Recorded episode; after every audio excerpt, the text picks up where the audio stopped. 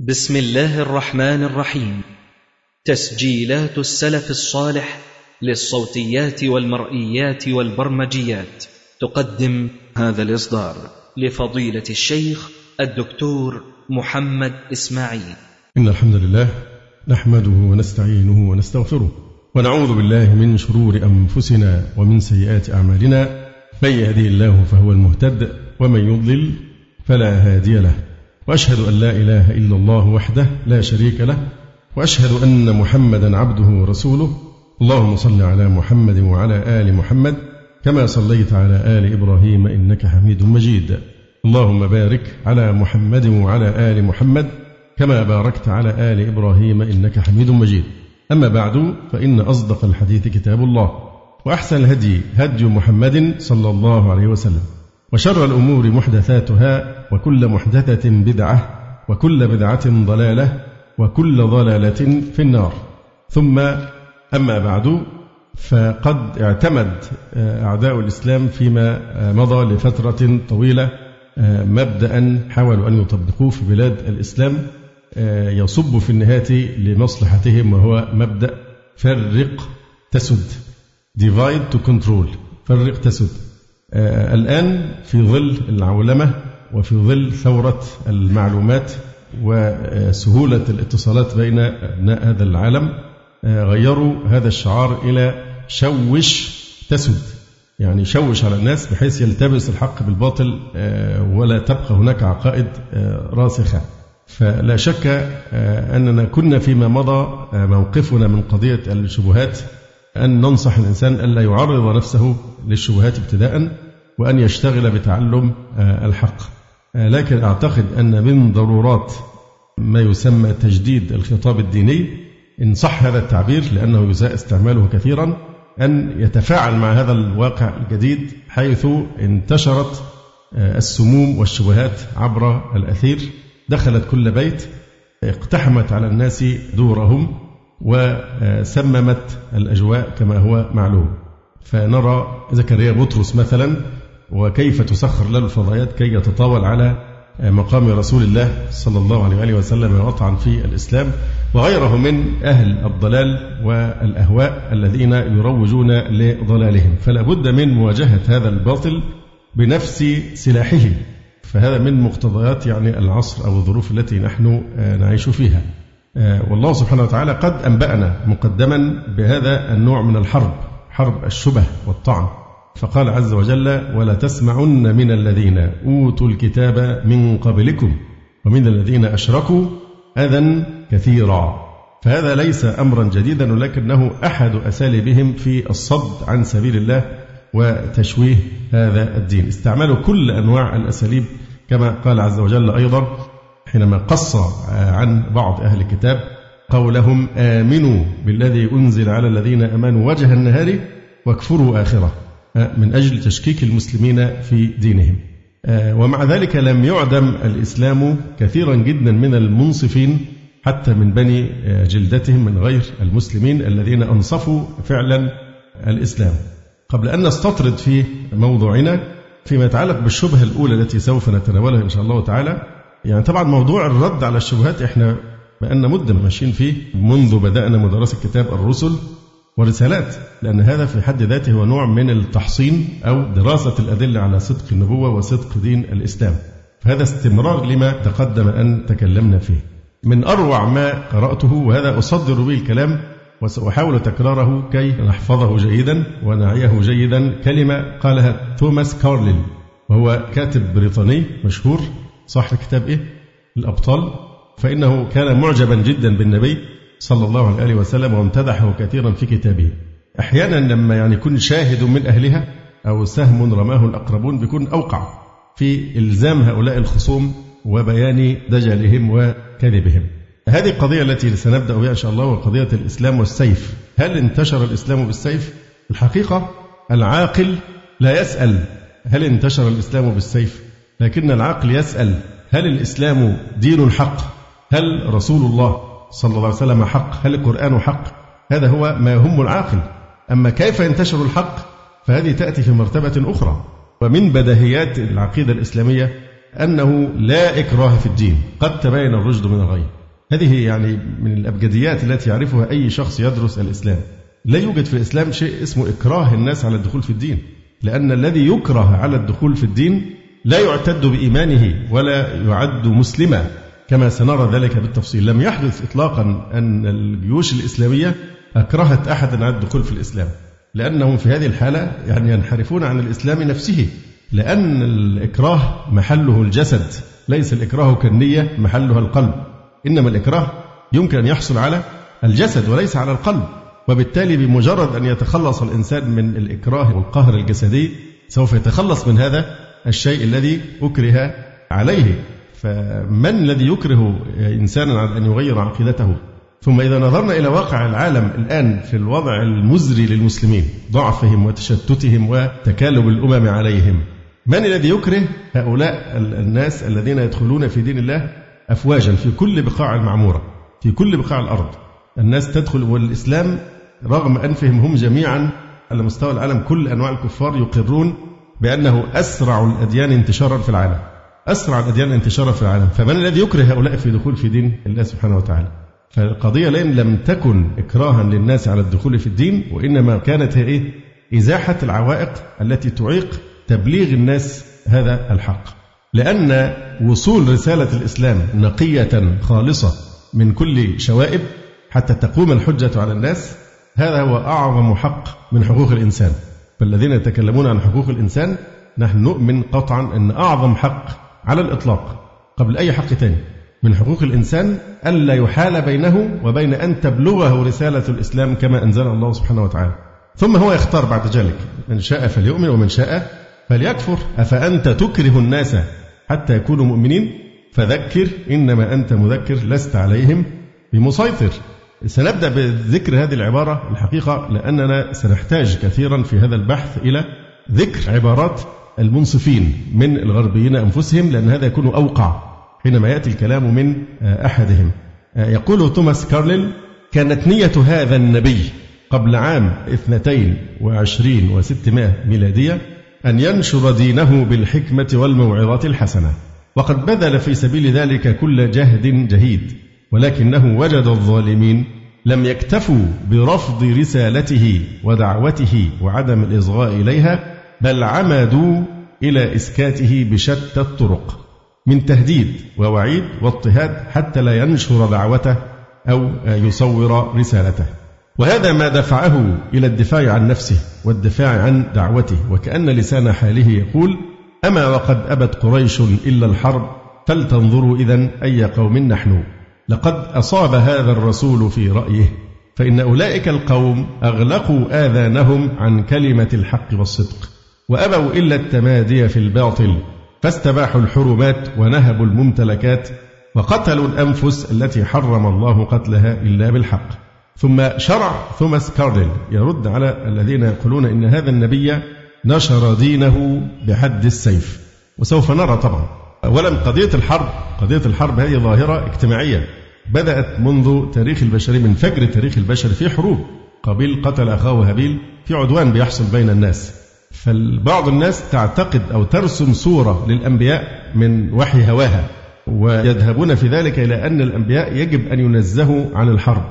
فتصويب هذا الكلام أن الأنبياء لا ينزهون عن الحرب العادلة وإنما ينزهون عن الحرب الفاجرة التي تحصل لنهب ثروات الأمم وكما حصل من الاستعمار في العصور الأخيرة ونحو ذلك. لكن الحرب العادلة ولا حرب عادلة إلا الحرب التي تكون في سبيل الله والإعزاز كلمة الله. فالأنبياء لا ينزهون عن ذلك. ثم إذا رجعنا إلى التاريخ أو لو مسكناها من الأول بقى من التوراة شريعة التوراة آه، سنفصل وسنعرف تفاصيل القتال في التوراة والتي يعتقد بها كل من اليهود والنصارى. سوف نرى العجب في هذا الأمر. فمعروف هذا شيء معروف جدا. أن التوراة وبالتالي شريعة النصارى أيضا فيها نفس هذا الأمر لأنه النصارى يؤمنون بالعهد القديم والعهد الجديد وسوف نرى النصوص في ذلك. فالحرب العادلة لا يتنزه عنها الأنبياء. ثم نشوف الواقع العملي بقى. الواقع العملي وسنجد مثلا من ضمن المفاجآت أنه لا يوجد دين انتشر بالسيف وقهر الناس كي يدخلوا فيه مثل النصرانية النصرانية في أوروبا كي تنتشر آه، بالإكراه وبالقهر وبالقتل وبالمذابح. عدد القتلى خلال هذه الحروب التي فرضت فيها النصرانية فرضا بالقوة بحيث يباد كل من لا يؤمن بها. العدد أقل الحد الأدنى في التقديرات قالوا سبعة سبعة ملايين إنسان. الحد الأدنى الأعلى 15 مليون. قتلوا من أجل فرض هذه العقيدة بالقوة وبالقهر وبالإكراه على الناس وسنرى التفاصيل. والتفاصيل الحقيقة في الواقع القديم كثيرة جدا ثم في الواقع الحديث ما حصل من الاستعمار في بلاد المسلمين. ولماذا نذهب بعيدا؟ يعني أمريكا بماذا تبرر عدوانها وإذلالها وقهرها للأمم؟ عايزين ننشر الديمقراطية يا جماعة. حقوق الإنسان وهي أكبر مجرمة في حق الإنسان. لا يوجد دولة استعملت السلاح النووي في الإبادة والإذلال مثلما يفعل غير أمريكا فقط في هيروشيما وناجازاكي حينما استعملت الأسلحة النووية. ما حصل في العراق ما حصل في أفغانستان وفي يعني كثير من بقاع الأرض بماذا تسوغ أمريكا هذا العدوان وهذا الإجرام؟ إن إحنا بننشر الديمقراطية. عندنا عقيدة ومنهج نريد أن نبشر العالم به كي يدخل في جنتنا الموعودة.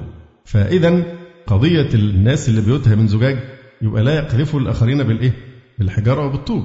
وسوف نفصل إن شاء الله في هذا بحيث نقيم الأدلة عليه واضحة. نعود لكلام توماس كارليل لأنه كلام مهم جدا كلام في غاية الروعة حقيقة رغم أنه كافر وأحيانا يتحامل وهو لم يقر بأن محمدا رسول الله صلى الله عليه وسلم إنما ذكره كبطل من الأبطال لكنه مع ذلك انظر إلى ما يقوله في هذه آه، العبارة. يقول وهو يرد على من ادعى أن محمدا صلى الله عليه وسلم نشر دينه بحد السيف.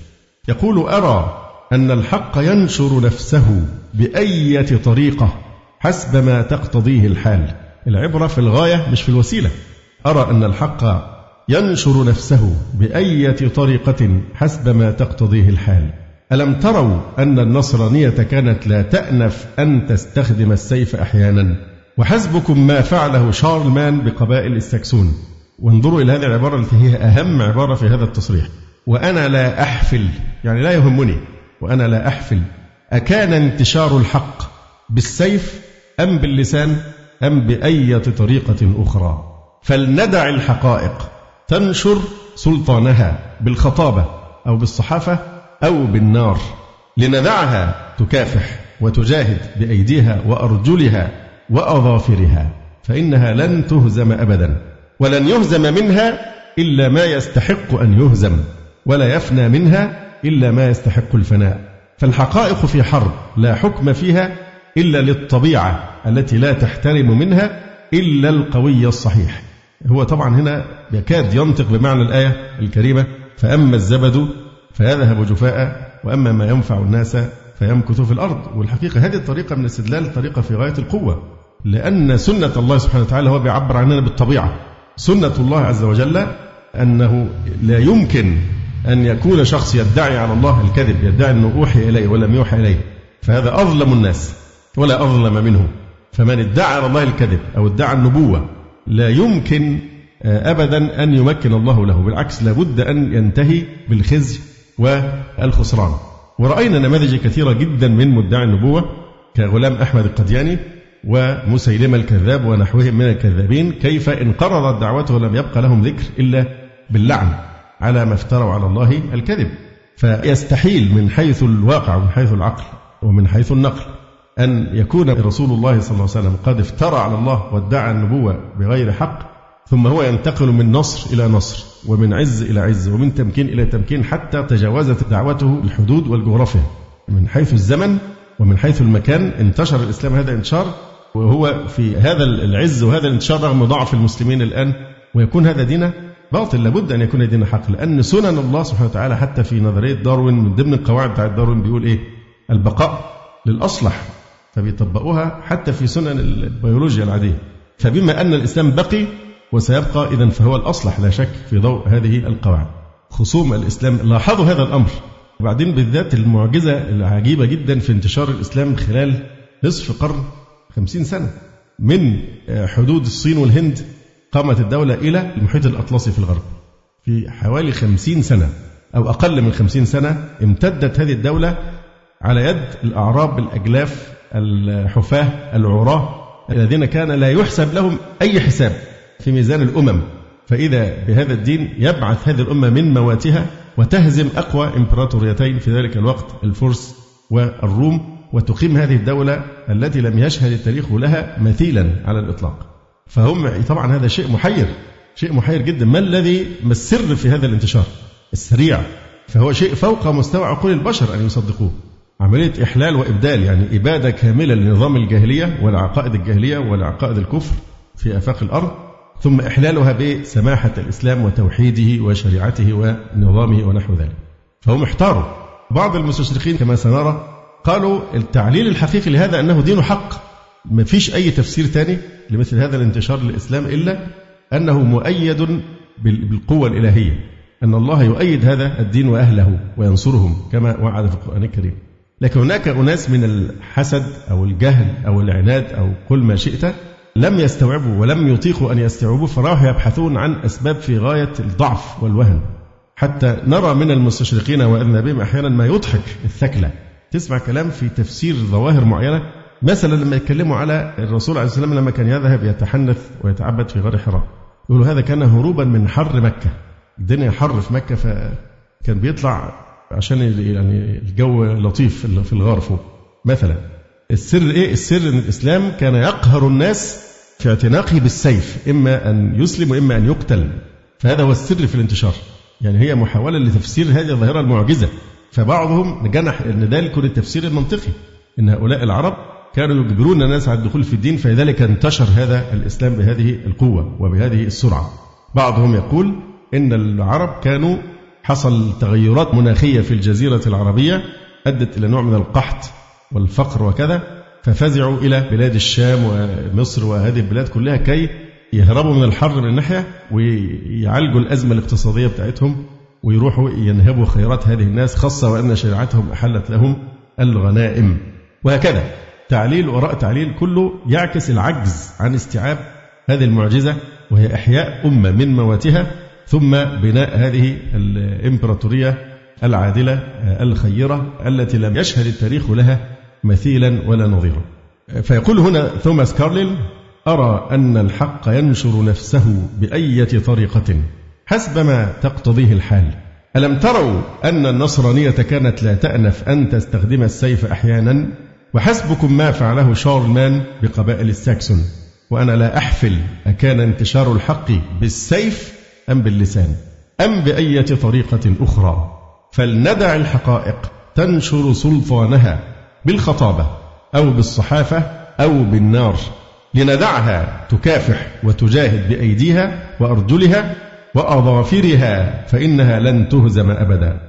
ولن يهزم منها إلا ما يستحق أن يهزم ولا يفنى منها إلا ما يستحق الفناء. فالحقائق في حرب لا حكم فيها إلا للطبيعة. كلمة الطبيعة هنا نفهم منها أنه يقصد إيه؟ سنن السنن الكونية في مسيرة الحياة. إلا للطبيعة التي لا تحترم منها إلا القوية الصحيح. فحبوب القمح عندما نأخذها إلى باطن الأرض وكثيرا ما تكون مخلوطة بقشور وتبن وقمامة وتراب. فإذا ألقيتها وهي مختلطة بكل هذه الشوائب في جوف الأرض العادلة البارة فإنها لا تعطيك إلا قمحا خالصا نقيا. أما الشوائب والقذى فإنها تبتلعه في سكون وتدفنه في باطنها دون أن تذكر عنه شيئا. وما هي إلا فترة حتى نرى القمح ناميا يهتز كأنه سبائك الذهب. هكذا الطبيعة في جميع شؤونها فهي حق لا باطل ولا تشترط في الشيء إلا أن يكون صادقا حرا. فإذا كان كذلك حمته وحرسته وصانته وقوته. وإذا كان غير ذلك تنكرت له وتركته بلا حماية وبلا صيانة. لهذا نرى لكل شيء تحميه الطبيعة. معلش كلمة الطبيعة كلمة زي بالنسبة لنا. لكن كما قلت هي المفروض يقول مكانها سنن سنن الله في الكون. نرى لكل شيء تحميه الطبيعة روحا من الحق والصدق. أليس شأن حبوب القمح هذه شأن كل حقيقة كبرى جاءت إلى هذا الوجود أو ستجيء إلى هذا الوجود؟ فالحقائق تأتي إلى معترك الحياة ثم يجيء يوم يظهر فيه نقصها وخطأها فتموت وتذهب. نعم يموت جسم كل حقيقة ويذهب ولكن الروح تبقى أبدا. كل ما هنالك أن الروح يتخذ ثوبا وبدنا أشرف. يعني كأن الداعية اللي يتبنى الحق هو بجسده يفنى لكن روح الحقيقة الذي جاء بها تبقى. ويظل روح الحقيقة وجوهرها ينتقل من الأثواب والأبدان أي أن جوهر الحقيقة لا يموت. الأمر المهم في الموضوع ليس في نوع الثوب الذي لبسه الروح إنما في الروح ذاتها. وهل هي حق؟ وهل هي منبعثة من أعماق الطبيعة دون أن تهتم بنقاء الشيء أو عدم نقائها؟ فالطبيعة عندما تحكم لا تقول أفيك شوائب وأكدار إنما تقول أفيك جوهر حق وروح صدق أم لا؟ ففي الحقيقة حينما نتناول آه، هذا الموضوع يعني نحن نرد عليهم أولا بمبادئ الإسلام وأخلاقياته ثم بالواقع التاريخي. الواقع التاريخي هو أقوى شاهد أو أقوى دفاع في قضية الإسلام والسيف. الواقع التاريخي عندنا نحن المسلمين ما هي المبادئ التي كانت تحكم الحروب أو الجهاد الإسلامي؟ وما الغايات التي كان يرمي إليها؟ وما هي أخلاقيات الحرب وأخلاقيات النصر؟ والواقع التاريخي عندهم أيضا سواء كان واقعا قديما أم حديثا. ثم نبين أيضا أن الأنبياء لا ينزهون عن الحرب العادلة. هذه من سنن الأنبياء وعليها سار رسول الله صلى الله عليه وسلم كما سار الأنبياء من قبله في الشرائع السابقة. بل إن هناك نصا في مزامير داود كما سنأتي إن شاء الله تعالى. يمتدح رسول الله صلى الله عليه وسلم بجهاده بالسيف في سبيل الله تعالى. يعني موجود في مزامير داود نص يمدح هذا النبي والأمة التي تنصره. من حيث جهاده في سبيل الله تعالى كما سنبين. قضية انتشار الإسلام بالسيف هي شبهة ليست حديثة ليست وليدة الاستشراق والتبشير. من أقدم من تكلم فيها العامري في مناقب الإسلام. تكلم في هذه الشبهة ودحضها كما سيأتي كلامه إن شاء الله تعالى. كذلك ذكرها شيخ الإسلام ابن تيمية في الجواب الصحيح لمن بدل دين المسيح ورد عليها. فللأسف الشديد بعض هذه الشبهات بتصد كثيرا من الناس عن دين الله تبارك وتعالى وينطبق على أمثال هؤلاء ما جاء في الحديث في عذاب القبر أن الإنسان يسأل في قبره عن ثلاثة أشياء من ربك وما دينك وماذا تقول في هذا الرجل الذي بعث فيكم؟ فالكافر يقول ها ها لا أدري. وحينما يسأله الملكان عن ما تقول في هذا الرجل يعني في محمد صلى الله عليه وسلم ماذا يقول؟ ها ها لا أدري. سمعت الناس يقولون شيئا فقلته وذي أخطر شيء. هو ردد كالببغاء ما يقوله الآخرون في حق النبي صلى الله عليه وسلم فكان ذلك سبب آه، شقائه. لذلك لما يعذبانه يقولان له لا دريت ولا تليت ويعذب في قبره. لكن في الحقيقة لابد أن آه، نقول إن أي استشكال يرد في الذهن عن الإسلام وإن كان يخاطب بهذا الكلام أساسا غير المسلمين ونحن نخاطبهم باعتبار أنهم من أمة محمد صلى الله عليه وآله وسلم. في مفاهيم أساسية جدا لابد أن نستصحبها قبل أن نناقش هذه القضية. مفهوم الأمة عندنا ليس كمفهوم الأمة عند علماء التاريخ والاجتماع. مفهوم الدين عندنا ليس كغير الإسلام من الأديان. فهذا المبدأ لابد أن ننطلق منه. فأي استشكال يرد في الذهن عن الإسلام يجب أن يكون مسبوقا بمحاولة جادة في التعرف على جوهره ومصدره. وذلك كي لا تلتبس طبيعة الفكر الإنساني بالوحي الإلهي.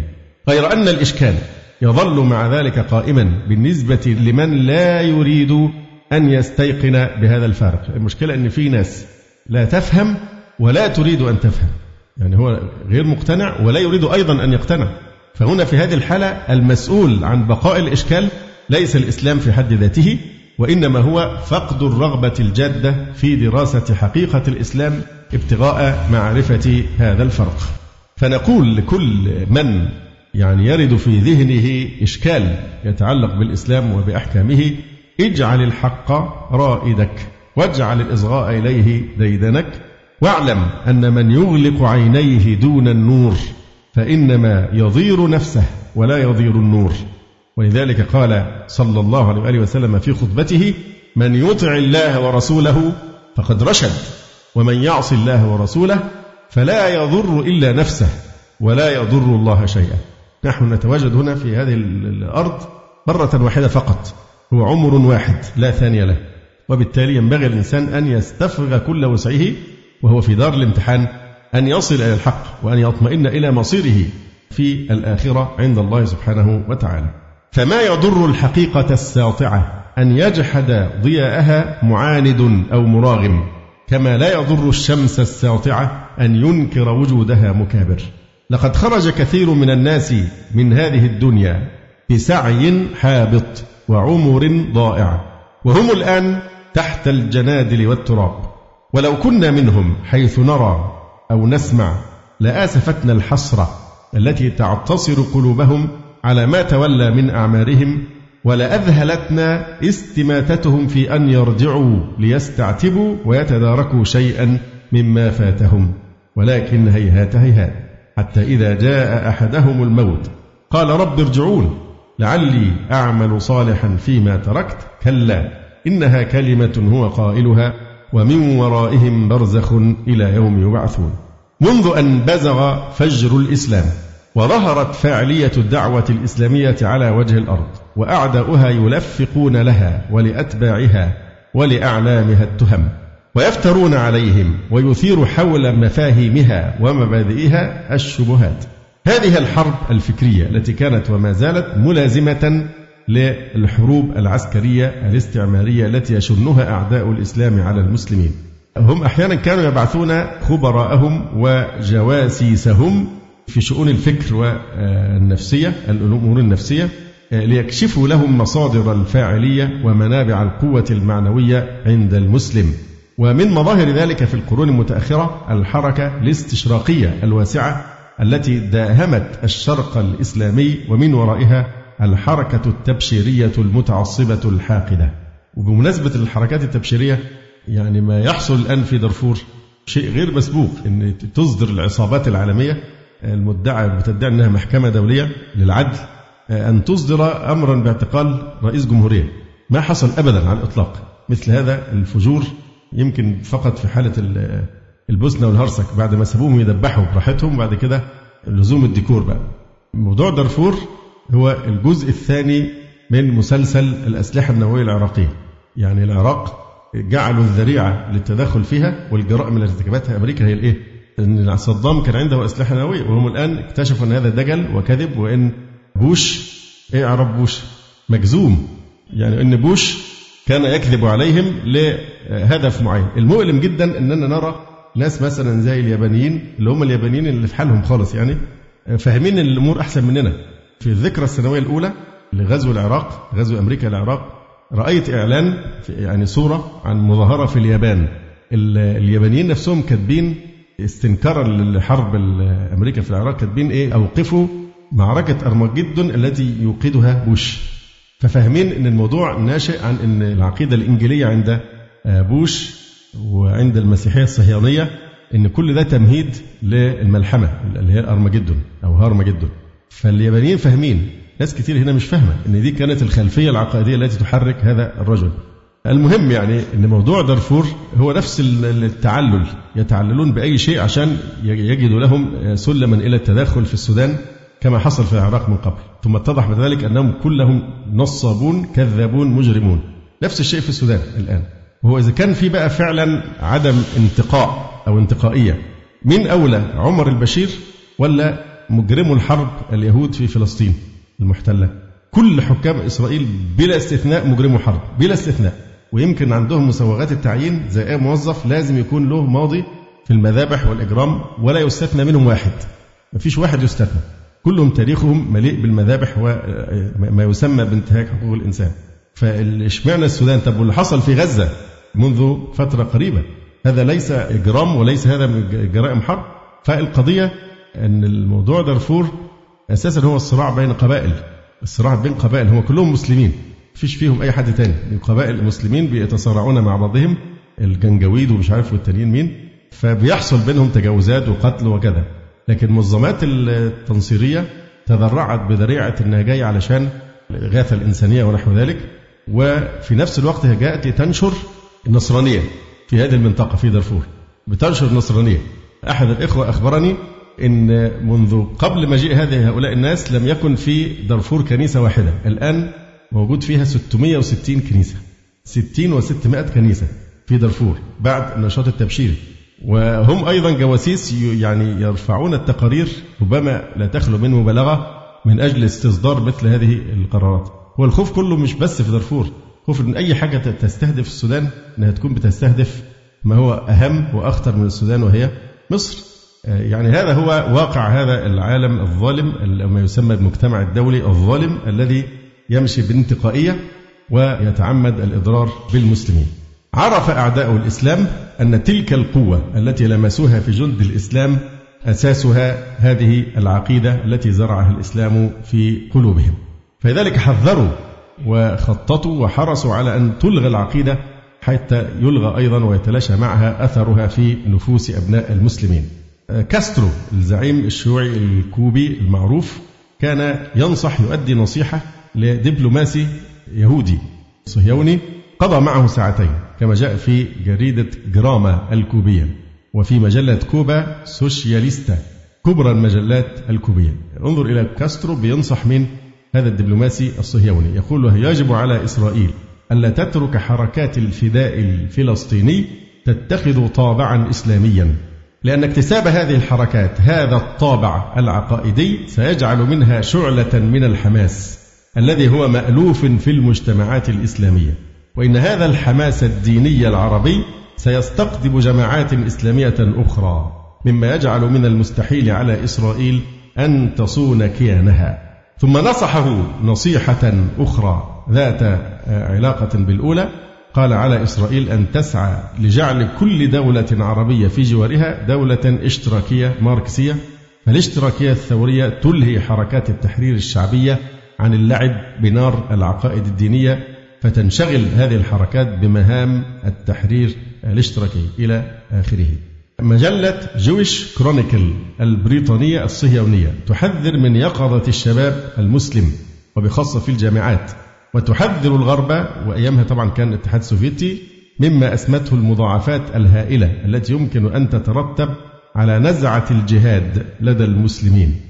تقول في مقال افتتاحي بعنوان الجهاد في سبيل الإسلام إن خبراء الاستراتيجية السياسية الغربيين سوف يثبتون قصر نظرهم السياسي إذا ما تجاهلوا النداءات المتزايدة التي توجهها الأكاديميات والجامعات القوية في العالم الإسلامي من أجل إعادة النظر في المنافع المزعومة للتدين والعودة إلى التعاليم الأساسية في الإسلام. ومضت المجلة تقول: لا العالم الغربي ولا الاتحاد السوفيتي يستطيعان أن يرقبا هادئي البال هذه اليقظة وهذه النهضة لعالم إسلامي. لو أسيء توجيهه فإنه يستطيع أن يزعزع استقرار جزء كبير من العالم. يقول أحد الكتاب المسلمين عاش فترة في أمريكا يقول زرت زميلة أمريكية كانت تدرس معي في الجامعة في مقر عملها في مدرسة من مدارس الأحد التي تفتح أبوابها صبيحة كل أحد لتلقين تلاميذ الابتدائية أصول النصرانية وتعاليمها. وطالبت منها أن ترتب لي زيارة إلى أحد الفصول الدراسية. ففعلت وفوجئت بما سمعت من المدرسة في ذلك الفصل. لم أسمع شيئا عن الدين النصراني وإنما كان الدرس كله يدور حول تخويف الطلبة من الإسلام وتشويهه وتبديل حقائقه. وبث الرعب في قلوب الطلبة من المسلمين المتوحشين. ولما عدت إلى زميلتي وكانت المديرة المسؤولة عن المدرسة سألتها عن هول ما سمعت في الفصل وعن سبب ذلك كله. فقالت أقول لك بكل صراحة إن الإسلام دين زاحف وإذا لم نحم أنفسنا بهذه الطريقة لزحف علينا وأصبح يهددنا ويهدد مستقبلنا في بلادنا. فلذلك حصل يعني هذه الحملات وهذه الشبهات كلها ترمي إلى يعني الصد عن سبيل الله تبارك وتعالى. حينما نتناول بعض الشبه التي تثار حول الإسلام للصد عن سبيل الله عز وجل نتألم طبعا حينما نسمع خرافات ودجل المستشرقين والمبشرين وغيرهم لكن الذي يؤسف في الحقيقة وهؤلاء طبعا يحركهم الحقد والكراهية والمكر. لكن الشيء الذي يؤلم أن كثيرا من أبناء أمتنا أصبحوا لا يروق لهم أن يأخذوا مبادئ الإسلام وسير سلفنا الصالح وتاريخ المسلمين وجهدهم إلا من أفواه المستشرقين ومصنفاتهم. حتى عقدة الخواجة حتى في خصائصنا نحن في عقيدة في تاريخنا. ويجعلون ما يكتبه هؤلاء مادة للدراسة في الكليات والجامعات ولا يكتفون بذلك بل يؤمنون به إيمانا راسخا ويلقنونه إخوانهم وأبناءهم كأنها مسلمات لا تحتمل النقاش. وما دروا أنهم بذلك يتقلدون ويقلدون أبناء الأمة أسلحة فاسدة ترتد إلى صدورهم ونحورهم. فعلينا أن نعرف عدونا وعدو أمتنا وأن نرجع إلى منبع قوتنا. الذي ابتغى أعداؤنا أن يقصونا عن حياضه. يقول الأستاذ أبو الأعلى المودودي رحمه الله تعالى عندما سئل عن هذه الظاهرة ظاهرة أن من المسلمين من يتبنى ويردد كلب البغاء كلام هؤلاء الأعداء من المستشرقين وغيرهم. يقول هذا من تقلبات الدهر وعجائب أمره. لقد مر على النصارى في أوروبا حين من الدهر كانوا يشدون الرحال إلى الأندلس ليتعلموا الكتاب المقدس من علماء المسلمين. أما الآن فقد انقلب الأمر رأسا على عقب حيث أصبح المسلمون وأسفاه يرجعون إلى أهل الغرب يسألونهم ما الإسلام وما تاريخه وما حضارته ويستوردونهم لتدريس التاريخ الإسلامي مع أنهم وهم أهل الغرب قوم لا يسمحون لأحد إذا لم يكن من أتباع دينهم بأن يتدخل فيما يتعلق بدينهم وتاريخهم. ولا حتى في أتفه الأمور. نشر اليهود موسوعتهم اللي هي الموسوعة اليهودية. وما فيها من مقال واحد كتبه أحد النصارى مع أن في التقاء في الثقافة اليهودية النصرانية. لكن ما سمحوا في الموسوعة أن واحد نصراني يكتب كلمة واحدة في هذه الموسوعة اليهودية. فضلا عن أن يكتبه أحد من المسلمين. وقد قاموا أنفسهم بترجمة التوراة ويربؤون عن أن يمسوا الترجمة النصرانية. وعلى العكس من هذا فإن علماهم يكتبون الكتب والمقالات عن الإسلام ويتلقاها المسلمون بكل ترحيب ويعترفون بأن من حقهم أن ينشروا باسم التحقيق العلمي ما شاءوا من الكتب والمقالات عن ديننا وفقهنا وحضارتنا وتاريخ أسلافنا. إن وضعا كهذا لا يجوز ولا ينبغي أن يبقى في دولة إسلامية إذ من باب التناقض أن تكون الدولة إسلامية ويكون الدين فيها غربيا والمسلمون يتامى. ولتهنأ بهذا الوضع المتناقض دول المسلمين اللا إسلامية آه، يقول آه، رستو رستو هو المستشار الأول لرئيس أمريكا السابق جونسون.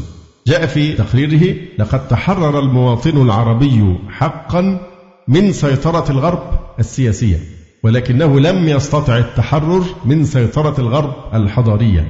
إن ثروته البترولية تصنع وتسوق بالعقول الغربية والأساليب الغربية والآلة الغربية. إن الجيوش العربية التي هي مصدر غروره القومي طبعا ده كان زمان. إن الجيوش العربية التي هي مصدر غروره القومي تستعمل السلاح الغربي وترتدي البزة الغربية بل تسير على أنغام الموسيقى الغربية. حتى إن ثورته على الغرب مستمدة من المبادئ والقيم والمفاهيم التي تعلمها من الغرب حتى إن معرفته بتاريخه وحضارته وتراثه تعزى إلى المثقفين الغربيين. آه، حقيقة نحتاج قبل الدخول في الموضوع لأنه ربما يطول بنا آه، شيئا ما نحتاج لبعض المقدمات آه، والتمهيد قبل الولوج إلى الموضوع بطريقة مباشرة. أول ذلك أننا نحتاج إلى الإشارة إلى مفهوم الدين عند الله سبحانه وتعالى. فالأمر يتعلق بطبيعة الإسلام وطبيعة أهله. فيخطئ غير المسلمين وبخاصة النصارى والغربيون من بعدهم حين يظنون أن الإسلام هو ملة مقصورة على مجموعة من العقائد الغيبية والشعائر التعبدية. مما يجعل الإسلام في مفهومهم لا يعد أن يكون مسألة شخصية. يختار الإنسان لنفسه ما شاء من عقيدة وديانة. يعبد ربه بأي طريق رضيها لنفسه لا يعد الأمر عندهم غير ذلك. ولكن الإسلام في معناه ومرماه غير ذلك فهو اعتقاد صحيح في القلب إيمانا بالله إلها واحدا لا يستحق العبادة سواه موصوفا بصفات الكمال منزها عن كل عيب ونقص. وهو إلى جانب ذلك شريعة حاكمة شاملة لكل ما يحتاجه البشر في نفسه ومجتمعه في سلمه وحربه في تعامله مع أهله والقريب والبعيد والعدو والصديق. في شرائع وأحكام وآداب تشمل النظم السياسية والاجتماعية والخلقية والاقتصادية وسائر شؤون الدنيا. فالإسلام دين شامل لكل نظام الحياة منهج متكامل للحياة وليس فقط آه، شعائر يؤديها الإنسان داخل جدران المسجد. ثم الحياة في الخارج لا تنصبغ بهذا الدين وإنما يحبس الدين في داخل القفص الصدري لا ينعكس على أحوال المجتمع ونظم الحياة. فهذا يعني أحد المفاهيم. أيضا مفهوم الدين عندنا وهو الحقيقة يتعرض يعني في ظروفنا الحالية إلى تشويه كثير جدا بالذات تحت الضغط الشديد المتوالي ليل نهار في موضوع التقريب بين الأديان وأخوة الأديان. هو لن يصح إلا الصحيح. يعني مهما علت هذه الأصوات فلن تبقى. إن الأديان كلها واحد وبيعملوا نوع من التلبيس. يجيبوا الآيات اللي إيه؟ اللي فيها إن إحنا كلنا حاجة واحدة. وطالعين بشعار خطير جدا وهو شعار الإيه؟ الأديان الإبراهيمية. إن المسلمين واليهود والنصارى يجمعهم دين إيه؟ واحد وكلهم ينتمون إلى إبراهيم عليه السلام. لا شك طبعا أن الأديان الثلاثة تعود إلى ملة إبراهيم عليه السلام وهي امتداد لها لكن هل بواقعها الحالي؟ وهم يكفروا بعضهم بعضا؟ طبعا لا يمكن أن يكون أن هي أديان مختلفة. هو أصلا دين واحد لكن واقع الحالي أنها أديان متناقضة لا يمكن أن يجمع بينها. فمنذ وجد الشرك والفساد في الأرض كانت الأنبياء والرسل جميعا يدعون إلى عبادة الله وحده وينهون عن كل صور الفساد في الأرض. وكان الذين يتبعون الأنبياء هم المؤمنين. كان نوح مؤمنا وكان من تبعه مؤمنين. كذلك كان إبراهيم خليل الرحمن أبو الأنبياء والمرسلين مؤمنا وكان أبا المؤمنين. كذلك كان إسماعيل وإسحاق ويعقوب وموسى وكذلك كان الأنبياء من بعده إلى عيسى عليه السلام مؤمنين وكان أتباعهم مؤمنين. حتى بعث الله إلى البشرية كلها خاتمهم محمدا صلى الله عليه وآله وسلم مؤمنا وأتباعه المؤمنون. اليوم يعرف الذين انتسبوا إلى موسى باليهود أو الموسويين ويعرف الذين انتسبوا إلى المسيح بالنصارى أو المسيحيين ويعرف الذين آمنوا بمحمد صلى الله عليه وآله وسلم بالمسلمين. كل يؤمن بأن دينه هو دين الله أو هو الدين عند الله. فما هو الدين عند الله؟ هناك حقيقة قاطعة يتفق عليها المسلمون واليهود والنصارى. ولا يستطيع مسلم ولا يهودي ولا نصراني أن ينفي الإيمان عن نوح وإبراهيم وإسماعيل وإسحاق ويعقوب وغيرهم من الأنبياء قبل موسى عليه السلام. فالجميع يؤمنون أن هؤلاء كانوا رسل الله المؤمنين وأن من تبعوهم كانوا مؤمنين وأنهم كانوا على الدين المرضي عند الله سبحانه وتعالى.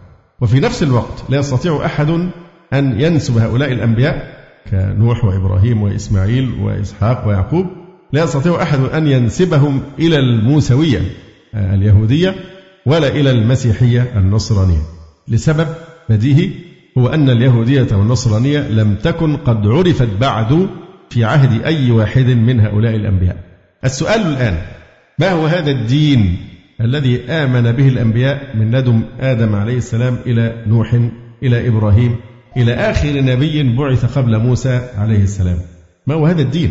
الأديان الثلاثة تقطع بأن هؤلاء جميعا كانوا مؤمنين الأنبياء قبل موسى عليه السلام. لكن ما هو هذا الدين؟ الذي نزل من السماء والذي آمن به ودعا إليه جميع هؤلاء الأنبياء. ماذا كان دين هؤلاء الأنبياء؟ الذين يتفق اليهود والنصارى والمسلمون على أنه دين الله وأنه هو الدين المقبول المرضي عند الله. لم يرد في توراة اليهود ولا في إنجيل النصارى. الحاليين إثبات لاسم هذا الدين الذي آمن به هؤلاء الأنبياء ومن تبعوهم. فكيف نستطيع معرفة هذا الدين؟ الجواب هو أن السبيل إلى التعرف عليه هو التفكر في جوهر هذا الدين وحقيقته ومقاصده. ونحن نعلم أن الله عز وجل لما أرسل هؤلاء الأنبياء إلى أممهم فإنه أرسلهم بعقيدة واحدة هي توحيد الله. وأمرهم بشرائع يدعون الناس إليها تتضمن أوامر الله عز وجل ونواهيه. فمن قبلها وانقاد لله فيها فهو المؤمن الذي آمن بالله وبرسوله الذي بعث إليه ودان بالدين الذي يرضاه الله ويقبله. فهذا الدين عند الله هو توحيد الله والانقياد لشرائع الله والاستسلام لحكم الله والخضوع لأمره ونهيه. والإخلاص له عز وجل في ذلك كله. هذه المعاني كلها. إذا حاولنا أن نعبر عنها في لغة العرب بكلمة واحدة تتضمن الاستسلام اللي هي الخضوع والانقياد والسلامة التي هي الإخلاص. فلن نجد سوى كلمة واحدة هي كلمة الإسلام. خضوع لله سبحانه وتعالى والإخلاص له في ذلك. إن الإسلام لله هو التعريف الوحيد الذي يمكن أن يعبر به عن الدين المعتبر والمرضي والمقبول عند الله. أن كلمة الإسلام دائما لازم نقدر جنبها الإسلام لإيه؟ لله. الإسلام لله. لكن إحنا بنختصر ما نقولش لله. لكن الإسلام لازم نفهم كل ما نذكر كلمة الإسلام أن الإسلام لإيه؟ لله عز وجل. فالإسلام لله. هو التعريف الوحيد الذي يمكن أن يعبر به عن الدين المعتبر والمرضي والمقبول عند الله. هو القاسم المشترك بين رسالات جميع الأنبياء. هو وحده الذي نستطيع أن نقول إنه كان دين نوح وإبراهيم وإسماعيل وإسحاق ويعقوب عليهم السلام ومن تبعهم من المؤمنين. الله عز وجل يقول إن الدين عند الله الإسلام. من أجل ذلك لم يكن لفظ الإسلام مجرد اسم خاص. يعني أو بتعبير آخر هناك إسلام عام وهناك إسلام خاص. إسلام العام هو دين جميع الأنبياء والمرسلين. أما الإسلام الخاص فهي بعثة محمد رسول الله صلى الله عليه وآله وسلم. فالإسلام في حقيقته هو التعبير الوحيد عن جوهر جميع الرسالات السماوية بما في ذلك رسالة موسى ورسالة عيسى عليهما السلام. لم يكن وصف المسلمين مجرد اسم لأتباع رسول الله محمد صلى الله عليه وسلم. بل هناك معنى عام للإسلام والمسلمين دل عليه مثل قوله تعالى إن الدين عند الله الإسلام. إسلام لله في جميع الإيه؟ الرسالات ولا يقصد بها فقط أمة محمد صلى الله عليه وسلم. وقال عز وجل بلى من أسلم وجهه لله وهو محسن فله أجره عند ربه ولا خوف عليهم ولا هم يحزنون.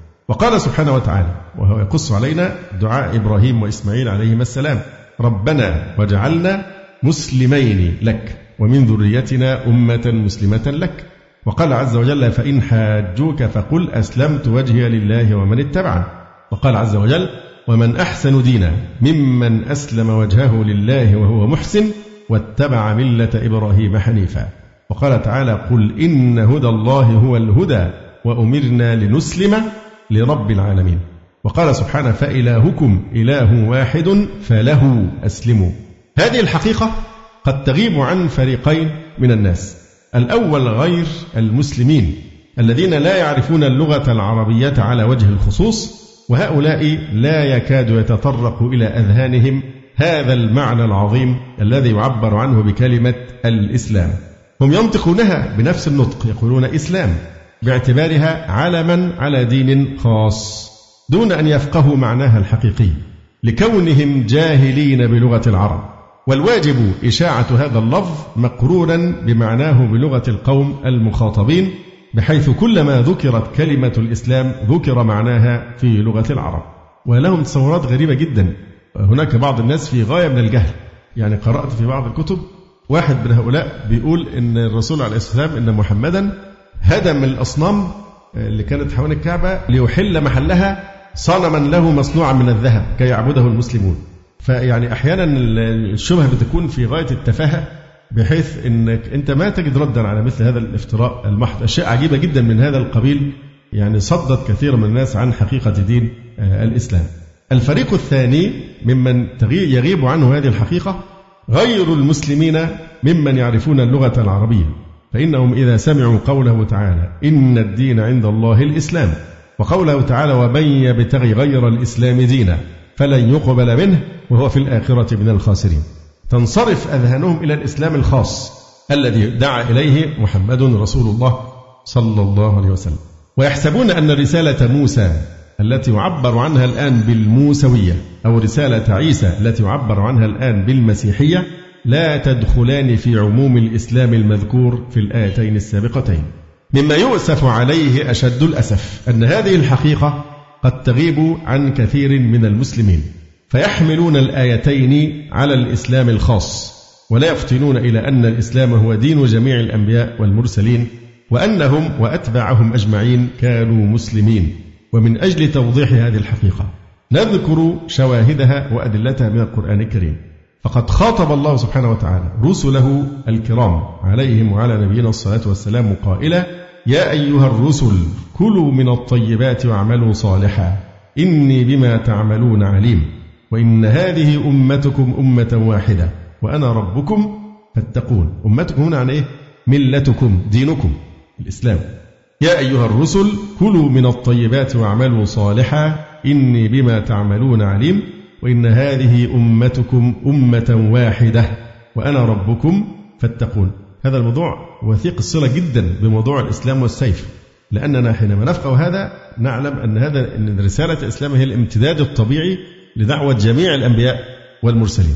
جميع الأنبياء والمرسلين جميع أتباع الأنبياء السابقين مطالبون باتباع رسول الله محمد صلى الله عليه وسلم في ضوء هذه الحقيقة.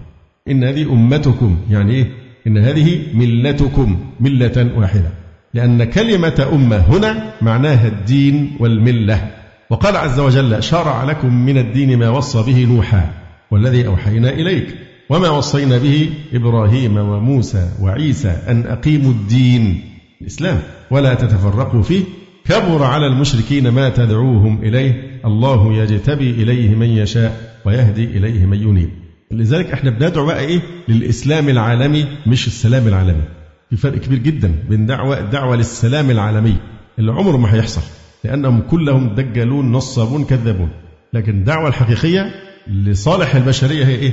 الإسلام العالمي كما سنبين إن شاء الله تعالى. وهذا محور مهم جدا وهو محور عالمية الإسلام. أيضا محور آخر مفهوم الأمة المحمدية. ما هي الأمة المحمدية؟ كل من وجد على ظهر الأرض منذ بعثة رسول الله صلى الله عليه وسلم إلى قيام الساعة فهو من أمة محمد.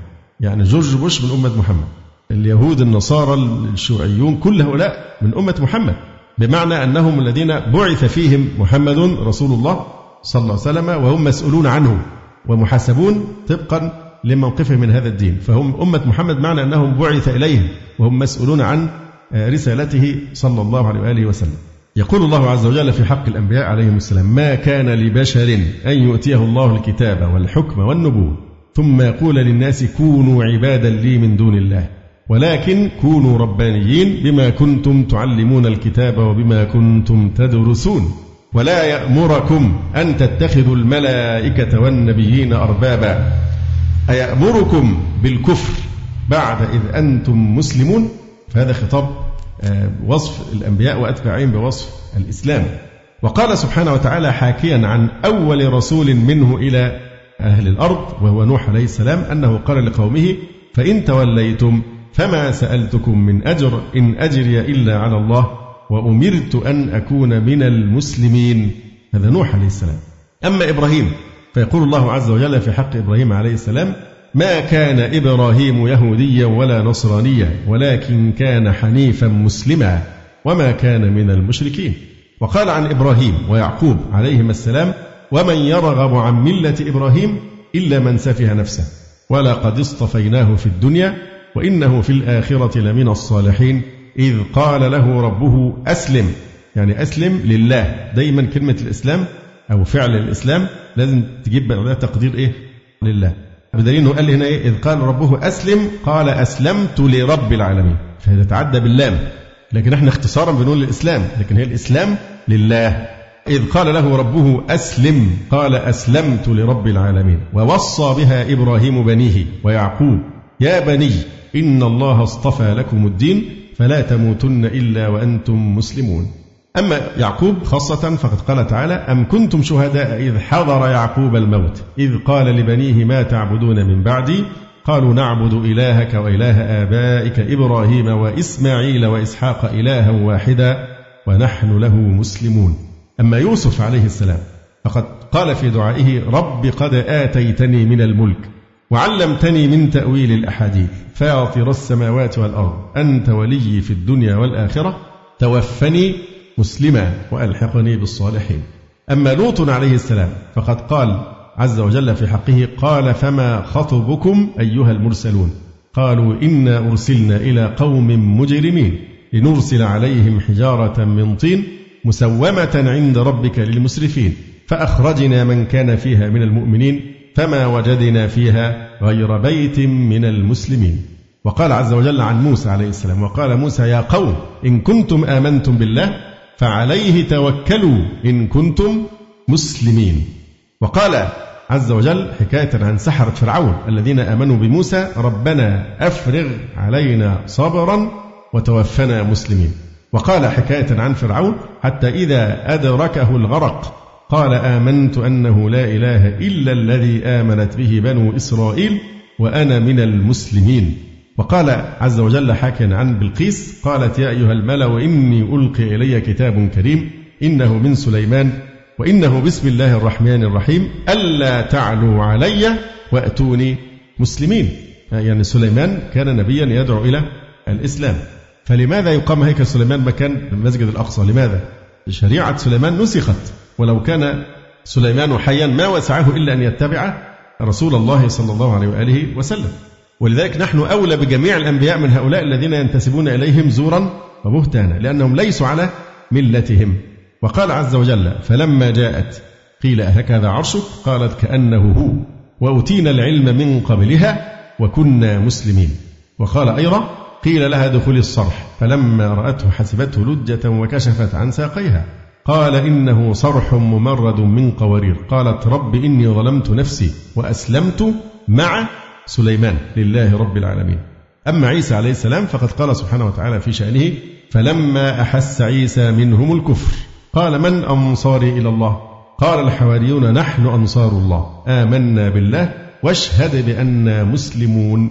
وقال تعالى عن الحواريين وإذ أوحيت إلى الحواريين أن آمنوا بي وبرسولي. قالوا آمنا واشهد بأننا مسلمون. وقال سبحانه إنا أنزلنا التوراة فيها هدى ونور يحكم بها النبيون الذين أسلموا للذين هادوا والربانيون والأحبار إلى آخر الآية. قال الزمخشري في قوله تعالى يحكم بها النبيون الذين أسلموا.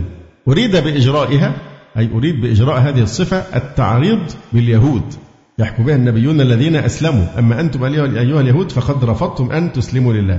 التعريض باليهود وأنهم بعداء عن صلة الإسلام التي هي دين الأنبياء كلهم في القديم والحديث وأن اليهودية بمعزل. وقال ابن منظور في لسان العرب وقوله تعالى يحكم بها النبيون الذين أسلموا فسره تغلب فقال كل نبي بعث بالإسلام غير أن الشرائع تختلف وقال تعالى عن أهل الكتاب من اليهود والنصارى الذين آتيناهم الكتاب من قبله هم به يؤمنون وإذا يتلى عليهم قالوا آمنا به إنه الحق من ربنا إنا كنا من قبله مسلمين. يعني أن المؤمنين منهم بدينهم حقا. يقولون إنا كنا من قبل نزول القرآن مسلمين فلم يقولوا إنا كنا من قبله يهودا أو نصارى. وقال عز وجل أفغير دين الله يبغون؟ وله أسلم من في السماوات والأرض طوعا وكرها وإليه يرجعون. قل آمنا بالله وما أنزل علينا وما أنزل على إبراهيم وإسماعيل وإسحاق ويعقوب والأسباط وما أوتي موسى وعيسى والنبيون من ربهم لا نفرق بين أحد منهم ونحن له مسلمون. ومن يبتغي غير الإسلام دينا فلن يقبل منه وهو في الآخرة من الخاسرين. إذا هذا النص القرآني يوحي بماذا؟ أولا أن الدين عند الله الإسلام وأن الله لا يقبل من أحد دينا سوى الإسلام وأن من في السماوات والأرض قد أسلموا لله عز وجل طوعا وكرها وأن إبراهيم وإسماعيل وإسحاق ويعقوب وهو إسرائيل والأسباط وموسى وعيسى وجميع الأنبياء مسلمون. خاطب الله تعالى هذه الأمة المحمدية قائلا يا أيها الذين آمنوا اتقوا الله حق تقاته ولا تموتن إلا وأنتم مسلمون. وقال أيضا اليوم يئس الذين كفروا من دينكم فلا تخشوهم واخشون اليوم أكملت لكم دينكم وأتممت عليكم نعمتي ورضيت لكم الإسلام دينا. إذا هناك الإسلام العام قاسم مشترك بين جميع الأنبياء. وهناك إسلام خاص وهي رسالة محمد صلى الله عليه وآله وسلم. فالإسلام دين مشترك. هتف به جميع الأنبياء عليهم السلام. وهو يعني الطاعة والانقياد والاستسلام لله تعالى بفعل ما يأمر به وترك ما ينهى عنه. ولذلك فإن الإسلام في عهد نوح عليه السلام كان يتحقق باتباع ما جاء به نوح وكانت كلمة النجاة في رسالة نوح أشهد أن لا إله إلا الله وأشهد أن نوحا رسول الله. في عهد موسى كانت كلمة النجاة لا إله إلا الله موسى رسول الله. في عهد عيسى كانت كلمة النجاة لا إله إلا الله عيسى رسول الله. وهكذا كانت كلمة النجاة في الرسالة الخاتمة الخالدة. لا إله إلا الله محمد رسول الله صلى الله عليه وآله وسلم. من هنا كان مقتضى إيمان قوم موسى عليه السلام عبادة الله وحده لا شريك له والإيمان بالتوراة والانقياد لشريعة موسى عليه السلام. وليس الدين لموسى. فينفعش نقول الموسوية على أنها مصدر صناعي لأن موسى لم يؤسس دينا زي ما الناصرية والماركسية والفرويدية إلى آخره. لا يصح إطلاقا نقول المسيحية أو الموسوية أو فضلا عن المحمدية كما يفعل المستشرقون. فليس الدين لموسى. موسى مجرد مبلغ عليه السلام. الدين ليس لموسى ولكنه دين الله. وموسى رسوله والمبلغ عنه. والذين اتبعوا موسى وآمنوا بالتوراة التي أنزلت عليه كانوا مسلمين خاضعين لله سبحانه وتعالى. فإنهم بهذا الإيمان والانقياد والخضوع والاستسلام لله عز وجل إنما يكونون قد أسلموا لله فيما أرادهم أن يسلموا له فيه. وتوالى رسل الله بعد موسى عليه السلام وكان مقتضى الإسلام لله عز وجل الإيمان بالرسل جميعا وبرسالاتهم. وهكذا إلى أن بعث الله عبده ورسوله عيسى المسيح عليه السلام فدعا قومه إلى عبادة الله وحده لا شريك له والانقياد لشرعه والإيمان بكتابه الإنجيل المنزل من عند الله وليس الدين للمسيح وإنما هو دين الله الذي أرسل به جميع رسله وأنبيائه والذين آمنوا بالمسيح عليه السلام وبالإنجيل كانوا مسلمين خاضعين لله سبحانه لأنهم أسلموا لله فيما أرادهم أن يسلموا له فيه. هكذا أيضا كان مقتضى إيمان الأمة المحمدية التصديق بتوحيد الله عز وجل لا شريك له والإيمان برسول الله محمد صلى الله عليه وسلم. وبالقرآن العظيم فليس الدين لمحمد ولا لعيسى ولا لموسى إنما هو دين الله دين واحد هو الإسلام. إن الدين عند الله الإسلام يعني الدين الوحيد المقبول والمرضي عند الله هو دين الإسلام.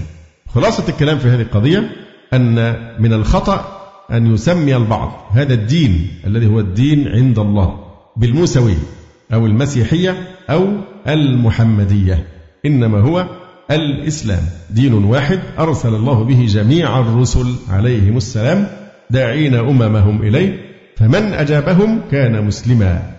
الثاني التنبيه الثاني أن من الخطأ الفاحش أن يطلق بعضهم لفظة أو عبارة الأديان السماوية. الأديان السماوية تحث على النظافة. الأديان السماوية كذا. ما فيش أديان سماوية هذا خطأ فادح وجريمة كبرى في حق دين الإسلام. كيف نزل من السماء وأديان متعارضة في بينها؟ واحد بيعبد الرسول الذي أرسل إليه وهو المسيح والثاني يعبد إلها ويفتري عليه الكذب في الصفات ونحو ذلك. والمسلمون يعبدون إلها واحدا لا شريك له فهناك هذا خطأ فاحش جدا ولا يجوز أن يتسامح معه إطلاقا.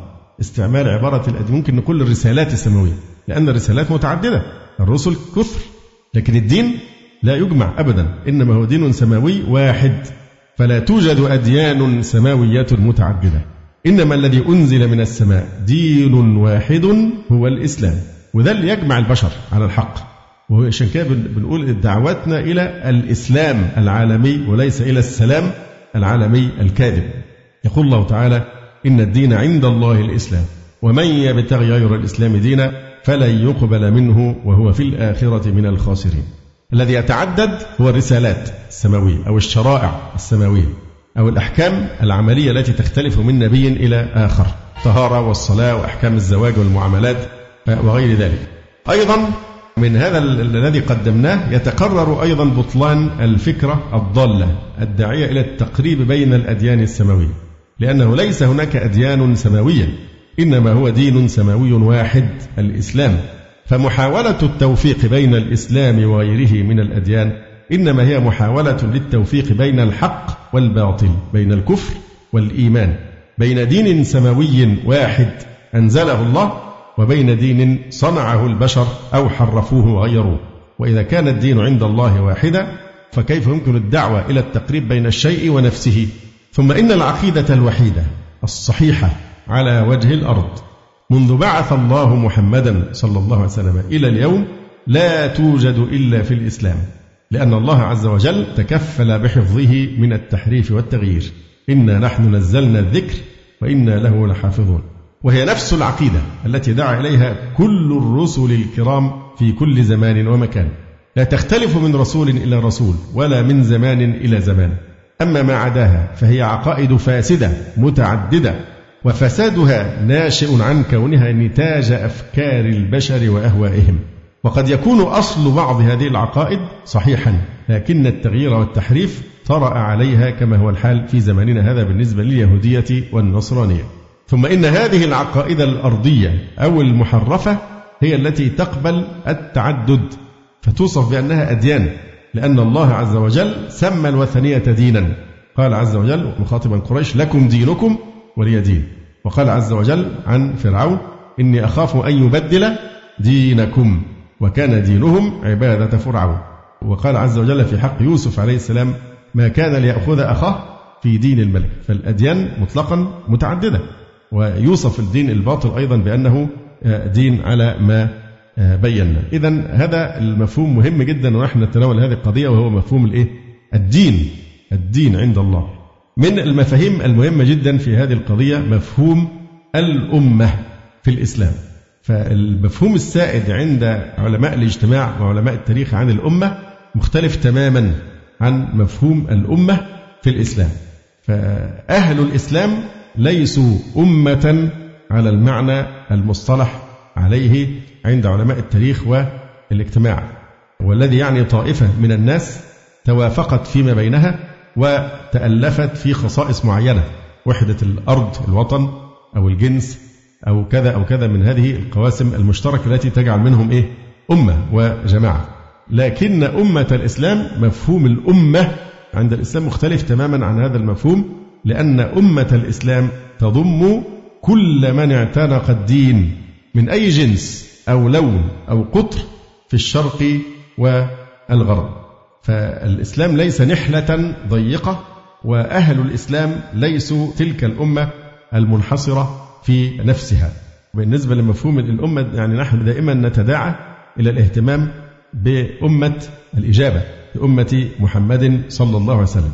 قل من يلفت النظر إلى أن أمة محمد صلى الله عليه وسلم لا يعبر بها فقط عن الذين استجابوا لله ورسوله صلى الله عليه وسلم وأسلموا دينهم لله الذين هم أمة الإجابة. لكن أمة محمد صلى الله عليه وآله وسلم تشمل أيضا أمة الدعوة وهي تشمل كل المخاطبين برسالة الإسلام. ممن دب على ظهر هذه الأرض منذ بعث رسول الله صلى الله عليه وسلم إلى قيام الساعة. مهما اختلفت أزمانهم وأماكنهم وأديانهم. من الخصائص التي اختص بها نبينا محمد صلى الله عليه وآله وسلم أنه أرسله الله إلى الناس كافة. قل عز وجل قل يا أيها الناس إني رسول الله إليكم جميعا الذي له ملك السماوات والأرض. وقال عز وجل وما أرسلناك إلا رحمة للعالمين. فهذه الرسالة المحمدية تخاطب جميع الناس. بلا تخصيص. وهي موجهة إلى كل من كان في عهده صلى الله عليه وآله وسلم وإلى كل من سيأتي بعده إلى يوم القيامة لأنها خاتمة الرسالات السماوية. يقول سبحانه وتعالى ما كان محمد أبا أحد من رجالكم ولكن رسول الله وخاتم النبيين صلى الله عليه وآله وسلم. وبين الله عز وجل أنه أوحى إلى نبيه صلى الله عليه وسلم هذا القرآن لينذر به قومه. وينذر به كل من بلغه هذا القرآن من العرب والعجم في كل زمان إلى قيام الساعة. يقول تبارك وتعالى قل أي شيء أكبر شهادة قل الله شهيد بيني وبينكم وأوحي إلي هذا القرآن لأنذركم به. أيها الحاضرون ومن بلغ يعني ومن بلغه القرآن إلى قيام الساعة. وقال سبحانه وتعالى تبارك الذي نزل الفرقان على عبده ليكون للعالمين نذيرا. وقال رسول الله صلى الله عليه وسلم أعطيت خمسا لم يعطهن أحد قبلي. ذكر منهن وكان النبي يبعث إلى قومه خاصة وبعثت إلى الناس عامة. وقال صلى الله عليه وسلم أيما أهل بيت من العرب والعجم أراد الله عز وجل بهم خيرا أدخل عليهم الإسلام. وإذا كنا نعي ونتدبر جيدا قول الله سبحانه وتعالى لقد جاءكم رسول من أنفسكم عزيز عليه ما عنتم حريص عليكم بالمؤمنين رؤوف رحيم. وقوله عز وجل لقد كان لكم في رسول الله أسوة حسنة لمن كان يرجو الله واليوم الآخر وذكر الله كثيرا. وإذا كنا نعتز بسنته صلى الله عليه وسلم ونتخذها شعارا لنا في قوله صلى الله عليه وسلم خير الهدي هدي محمد صلى الله عليه وسلم. فكيف كان هديه؟ في دعوة الأمة التي بعث إليها ونخص بالذكر هنا أمة الدعوة. لقد كان صلى الله عليه وآله وسلم حريصا أشد الحرص على تبليغ الناس هذه الدعوة. ومن مظاهر ذلك أمره بالتبليغ عنه ما تيسر ولو آية واحدة من القرآن. قال عليه الصلاة والسلام مخاطبا المؤمنين به بلغوا عني ولو آية. وكان يرغب أصحابه في الاجتهاد في الدعوة إلى الله وينوع الخطاب في ذلك. فهو صلى الله عليه وسلم يقول لأن يهدي الله بك رجلا واحدا خير لك من حمر النعم وهو القائل من دعا إلى هدى كان له من الأجر مثل أجور من تبعه لا ينقص ذلك من أجورهم شيئا. وكان يسر جدا باستجابة المدعو إلى التوحيد. ومن ذلك ما ثبت من أنه لما دعا يهوديا فأسلم فرح واستبشر. وقام صلى الله عليه وسلم وهو يقول الحمد لله الذي أنقذه بي من النار. وكان صلى الله عليه وسلم شديد الشفقة على الخلق عظيم الرحمة بأمته حتى الذين لم يستجيبوا لدعوته قوي الرغبة في هدايتهم وكان يبلغ في نصحهم الحد الذي لا مزيد عليه. أليس هو صلى الله عليه وسلم القائل مثلي ومثلكم؟ كمثل رجل أوقد نارا فجعل الفراش والجنادب يقعن فيه وهو يذبهن عنها وأنا آخذ بحجزكم عن النار وأنتم تفلتون من يدي. وفي لفظ متفق عليه وجعل يحجزهن ويغلبن فيقتحمن فيها. فذلك مثلي ومثلكم أنا آخذ بحجزكم عن النار هلم عن النار هلم عن النار فتغلبوني فتقتحمون فيها. بل كان يبلغ حزنه وحسرته على عدم هدايتهم حدا يوشك أن يذهب معه نفسه الشريفة صلى الله عليه وآله وسلم. وما أكثر ما نزل الوحي يخفف عنه ويعزيه وينهاه عن هذا الأسى ويأمره بالرفق بنفسه. كقوله تعالى فلعلك باخع نفسك على آثارهم إن لم يؤمنوا بهذا الحديث أسفا. يعني عشان نتخيل كده تخيلوا منظر واحد بيودع أحب الناس إليه وقد ركب القطار وفجأة القطار بدأ يتحرك رويدا رويدا وهو من شدة حرصه على أن يتحدث معه أو يناجيه ظل إيه؟ بيجري ورا القطار وهو بيتحرك لحد ما عجز وأفلت القطار لشدة سرعته. أنا بس بنقف عند كلمة إيه؟ على آثارهم. شوف كلمة على أثرهم مش عايز داعي فرصة لحد ما الموضوع خرج من إيديه رغما عنه أنا بس بذكركم بالمثل ده علشان إيه؟ نستحضر كلمة على أثرهم يعني هم يعرضون عنه وهو حريص على دعوته. فتأمل هذه الآية. فلعلك باخع نفسك أنت هتموت نفسك؟ هتهلك نفسك؟ من الحزن عليهم لأنهم لم يهتدوا؟ وصدق الله تعالى وما أرسلناك إلا رحمة للعالمين. الناس بتحاول تصور لنا التدين أنه عذاب ومشقة وضغوط في حين التدين رحمة وتحرير للإنسان. يقول الزمخشري شبهه وإياهم حين تولوا عنه ولم يؤمنوا به وما داخله من الوجد والأسف على توليهم برجل فارقته أحبته وأعزته فهو يتساقط حسرات على آثارهم ويبخع أن يهلك نفسه وجدا عليهم وتلهفا على فراقهم. فلعلك باخع نفسك على آثارهم. إن لم يؤمنوا بهذا الحديث أسفا فالوحي كان ينزل يخفف عليه من شدة شفقته على أمته صلى الله عليه وسلم. وقال عز وجل أيضا فلا تذهب نفسك عليهم حسرات. وقال جل وعلا لعلك باخع نفسك ألا يكونوا مؤمنين. تهلك نفسك بسبب حزنك على عدم استجابتهم لدعوة الحق. وقال سبحانه وتعالى فلا تأس على القوم الكافرين. لا يستحقون أن تحزن عليهم هذا الحزن.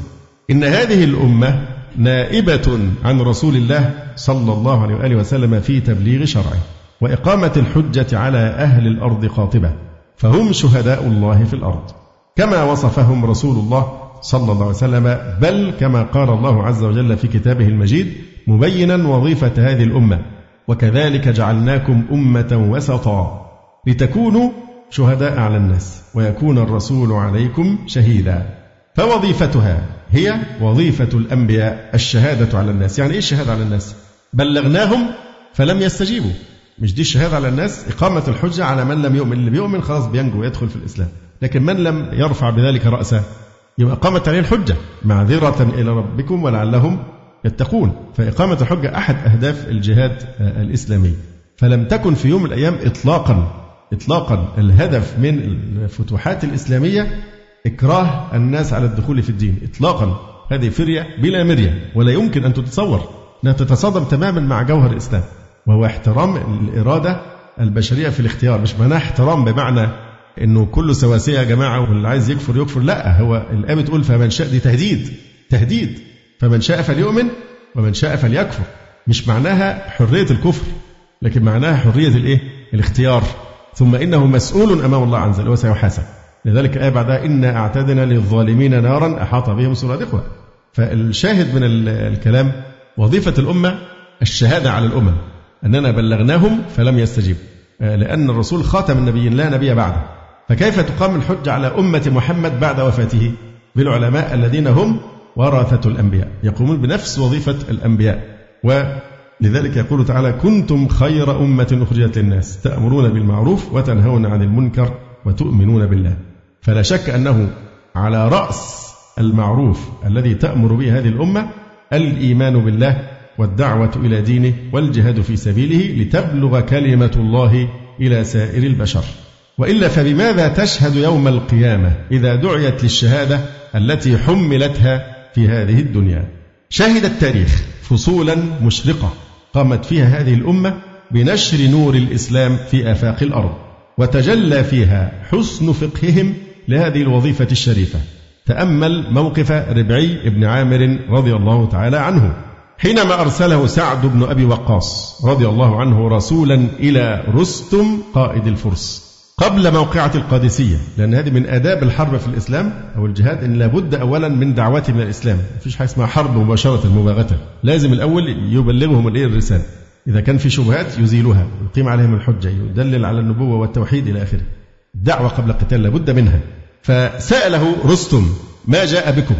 فأجابه ربعي الله ابتعثنا والله جاء بنا ليخرج من شاء من عبادة العباد إلى عبادة الله. ومن ضيق الدنيا إلى سعتها ومن جور الأديان إلى عدل الإسلام. فأرسلنا بدينه إلى خلقه لندعوهم إليه. وتجلى إدراكهم لهذه الوظيفة فيما قام به الصحابة الأخيار رضي الله عنهم والتابعون الأبرار والمجاهدون الشجعان حتى التجار الرحل الذين جابوا أقطار الأرض يحملون هذا النور العظيم ويخرجون به الناس من الظلمات إلى النور. ولئن تنادى كثير من الأمم اليوم بما اصطلحوا على تسميته حقوق الإنسان فإن واجب المسلمين اليوم أن يلفتوا نظر الجميع إلى أن أعظم حق من حقوق هذا الإنسان وأخطره على الإطلاق هو حقه في أن تبلغه دعوة الإسلام صافية نقية بلا تشويه ولا تعمية ولا تضليل فإن قبلها نال سعادة الدنيا وسعادة الأبد وإلا فقد قامت عليه حجة الله عز وجل القائل وما كنا معذبين حتى نبعث رسولا. إن كل من يصد عن دين الله بتشويه أو إرهاب لهو عدو لهذه الإنسانية. يبقى المجرم في حق الإنسانية مش بس اللي بيقتل بالطريقة البشعة المعروفة. مجرم في حق الإنسانية الذي يشوه الإسلام الذي يصد عن دين الإسلام الذي يفتري الشبه ليشوش على الناس ولا يدخلوا في دين النجاة.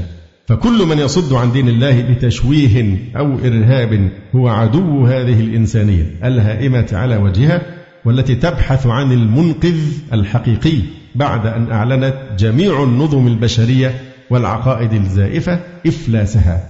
ومع تفريط المسلمين اليوم في أداء الحق الأعظم والواجب المحتم تجاه البشرية اليائسة التي تتوق إلى هداية الإسلام إلا أن هناك ظاهرة عجيبة يشهدها العالم أجمع ألا وهي أن الإسلام يغزو قلوب الملايين في أرجاء المعمورة بالرغم من أن الجهود المبذولة في الدعوة إليه حتى الآن جهود فردية تفتقد ذلك التخطيط والتنسيق والتمويل والمنهجية التي تحظى بها مثلا الكنيسة النصرانية وبالذات الكاثوليكية. وما يتبعها من منظمات كهنوتية كالفرانشسكية والدومينيكية والجزويت وكذلك ما تنظمه الهيئات البروتستانتية من حملات التنصير تعد رجالها في معاهد متخصصة وتنفق عليها المال الوفير ثم تبثهم في الآفاق البعيدة للدعوة إلى دينها المحرف بأساليب مدروسة. وقد يبلغ الأمر ببعض دعاتهم إلى أن يطلق الدنيا ليخلص للدعوة إلى النار خلوصا تاما كما نعرفه في جماعات الرهبان النصرانية والبوذية. ومع هذا كله تذهب جهودهم هباء وتكون أموالهم عليهم حسرة ثم لا يجنون سوى الخيبة والخسران في الدنيا ولعذاب الآخرة أشد وأخزى. أجل ينتشر الإسلام مع هذا التفريط من جانب أتباعه ومع هذا الكيد من جانب أعدائه. فما سر هذه الظاهرة المباركة؟ إنه هو الإسلام نفسه. دين الفطرة. دين التوحيد. دين الطهارة. دين النظافة في العقيدة والنظافة في الأخلاق والنظافة في العبادات والشرائع. داعية الإسلام الأكبر هو الإسلام نفسه. لأن في جاذبية ينجذب إليها كل من فيه خير. فداعية الإسلام الأكبر هو الإسلام نفسه بما تضمنه من فضائل. وإن قوة الإسلام الذاتية التي أودعها الله فيه هي التي تقهر المناوئين له مهما عظمت تنظيماتهم وكثرت أموالهم فسينفقونها ثم تكون عليهم حسرة ثم يغلبون. فما أحوجنا اليوم إلى تنمية هذه الظاهرة المباركة والتفتيش وراء الأسباب التي تقويها وتدعمها ومواجهة المعوقات التي تخف في طريقها. ما أحوجنا إلى متابعة التوجيه والتعليم والنصح لمن يعودون إلى دين الفطرة واستمرار دعوة من لم يعودوا بعد ما أحوجنا إلى تبليغ حقائق هذا الدين التي غابت أو شوهت في نظر بعض المسلمين فضلا عن غيرهم وما أحوجنا إلى دفع شبه الخصوم التي يصدون بها الناس عن دين الله عز وجل. في الحقيقة نحن الآن في ظرف مختلف تماما عن عندي قبل. صحيح المسلمون في حالة من الضعف الشديد والقهر من الأمم الغالبة لكن عندنا فرصة الآن غير مسبوقة. عملية يعني رغم أن ثورة الاتصالات والمعلومات لها كثير جدا من السلبيات لكن المسلمون لا يخشون أبدا من الحوار. يا ريت الناس اللي بتدعو للحوار يكونوا صادقين. ده دجل كله دجل. لكن لو فعلا في حوار دي يعني أكثر وأعظم من يستفيد من الحوار الحر النزيه هو المسلمون. مع أي حد لأن الله سبحانه وتعالى قضى كما أخبر النبي صلى الله عليه وسلم لا تزال طائفة من أمتي على الحق ظاهرين سواء بالظهور العلمي بالحجة والبيان وهذا هو المستمر دائما. فالإسلام في أي مواجهة نزيهة قطعا سوف يغلب وتقوم الحجة على الخلق. فالآن توجد فرصة من خلال الانفتاح العالمي والتواصل السهل جدا بين الشعوب في عملية تبليغ الإسلام. في يوم من الأيام كنت في أمريكا قبل 11 سبتمبر. طبعا الأمور اختلفت بعد ذلك في أحد المؤتمرات يعني. فجم في الجلسة الافتتاحية قالوا كل واحد يرتجل كلمة غير معدة. قلت الكلمة التي كنت قلتها قلت يعني أن الصحابة رضي الله تعالى عنهم ومن تبعوهم بإحسان كانوا يبذلون بذلا كبيرا جدا من أجل تبليغ الدعوة عن طريق الجهاد بذل الأموال والأنفس والأولاد والانتقال في آفاق الأرض لكي يزيلوا العقبات كي يبلغوا الناس مباشرة الدين الحق. فكان الثمن غاليا جدا. الآن أنتم تعيشون في قلب أمريكا أو في قلب العالم الغربي حيث فعلا كان في قدر عظيم جدا من الحرية. وضع يعني غير عادي بالنسبة للوضع قبل 11 سبتمبر كان في حرية غير عادية في أمريكا. يعني حاجة لا يحلم بها الإنسان إلا في الخلافة الراشدة موضوع الحرية. هو في سور برضه بس سور إيه؟ أوسع من عندنا. فقلت لهم يعني أنتم الآن موجودين في داخل قلب الكفار في جوه بلادهم. ولكم الحرية في الكلام. حرية مطلقة فأنت تتكلم بما شئت وتدعو وتقيم جماعات وتنظيمات وتسافر وتتحرك. ما في أحد يتعرض لك أبدا على الإطلاق. فقد قامت عليكم الحجة لأنهم لكم لم تطالبوا لا ببذل دماء ولا أموال ولا انتقال عن الأوطان وإنما فقط أن تقوموا بتبليغ هذا الدين. فهذه بعض الأفكار فيما يتعلق بأننا يمكن أن نستغل الوضع العالمي الآن الانفتاح والتواصل سواء عن طريق النت أو الفضائيات أو غيرها. الوسائل الآن أصبحت عميقة جدا لكن لابد أن يكون الإنسان يعني مؤهلا لمثل هذه الوظيفة. نحن ندعو إلى الإسلام العالمي وليس إلى السلام العالمي لأن لن يحصل كله دجل.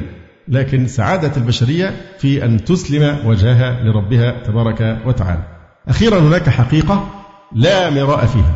أجمع عليها المسلمون واتفق عليها المنصفون واعترف بها كثير من غير المسلمين وهي أن المستقبل للإسلام وإن الوعد الذي وعده رسول الله صلى الله عليه وسلم من أنه هذا الدين سيبلغ ما بلغ الليل والنهار حيث لا يبقى بيت مدر ولا وبر إلا أدخله الله هذا الدين بعز عزيز أو بذل ذليل. عزا يعز الله به الإسلام وذلا يذل الله به الكفر. ويومئذ يفرح المؤمنون بنصر الله ينصر من يشاء وهو العزيز الرحيم. وعد الله لا يخلف الله وعده ولكن أكثر الناس لا يعلمون. هذا كان مدخل لابد منه قبل الولوج إلى القضية مباشرة. نسأل الله سبحانه وتعالى أن يوفقنا جميعا. سبحانك اللهم ربنا وبحمدك أشهد أن لا إله إلا أنت أستغفرك وأتوب إليك. جزى الله فضيلة الشيخ خير الجزاء. ونسأل الله جل وعلا أن يرفع مكانة الشيخ في المهديين. وأن يجعله علما من أعلام الهدى والدين. ولا تنسونا وتنسوا الشيخ من دعوة صادقة بظهر الغيب. وتقبلوا تحيات إخوانكم في تسجيلات السلف الصالح بالإسكندرية. هاتف رقم صفر ثلاثة فاصل أربعة تسعة أربعة سبعة ستة خمسة اثنان. والتليفون محمول صفر عشرة واحد ستة أربعة واحد تسعة ثمانية صفر. والسلام عليكم ورحمة الله وبركاته.